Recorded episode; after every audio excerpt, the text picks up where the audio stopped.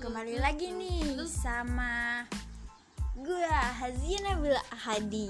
Kali ini kita bakal bahas yang eh, jadi UTBK bentar lagi kan.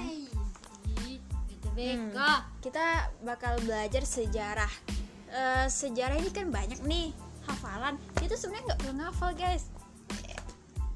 Kita itu ah, isi men easy jadi kita cuma gini jadi lo lagi misalnya lo lagi makan pula kita kan banyak kegiatan nih. Waktu tuh ya nggak cuma bisa kayak mana ya? Ya ini belum waktu untuk makan waktu buat kerja waktu buat beres rumah waktu buat belajar waktu buat ini itu. Jadi kan kayak susah gitu ngatur waktu. Jadi belajar itulah guys.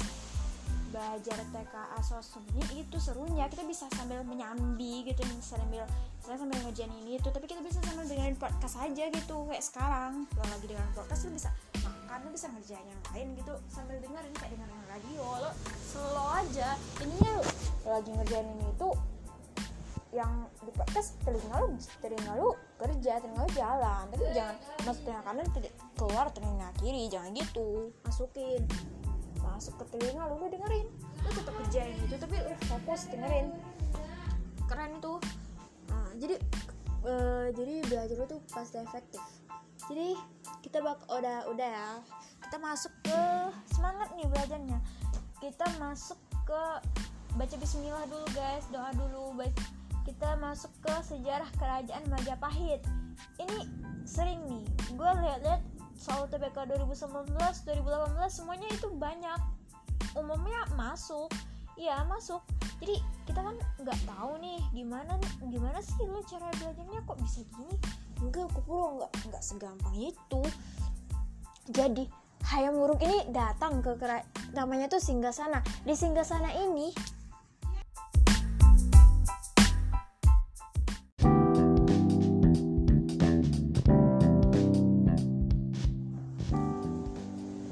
krik krik krik krik. Balik lagi sama aku Hazia.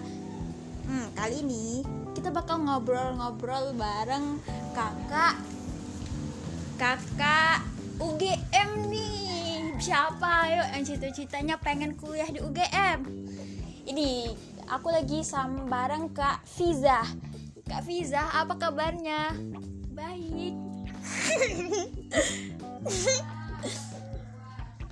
Gimana nih kak pengalaman kakak selama kuliah di UGM? Jadi kakak masuk UGM-nya lolos jalur apaan nih? Jadi, iya Bon.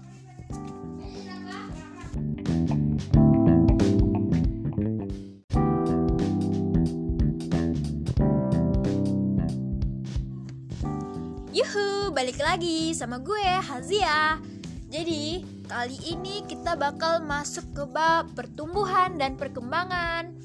Hmm, gimana? Judul dari judulnya aja kadang nih ya, banyak gue sendiri dulu waktu SMA ini kayak ngerasa ah easy cuma perkembangan perempuan mah paling itu termasuk soal-soalnya gampang mah buat dijawab ternyata enggak guys banyak kok yang kesalahan kelimpungan jawab soal-soal yang pas di pertumbuhan perkembangan. Jadi apa pun itu jangan dianggap gampang. Ah karena itu ayo kita tapi semuanya bisa kok bisa bikin mudah. Makanya kita belajar. Hmm ayo kita langsung mulai aja ya.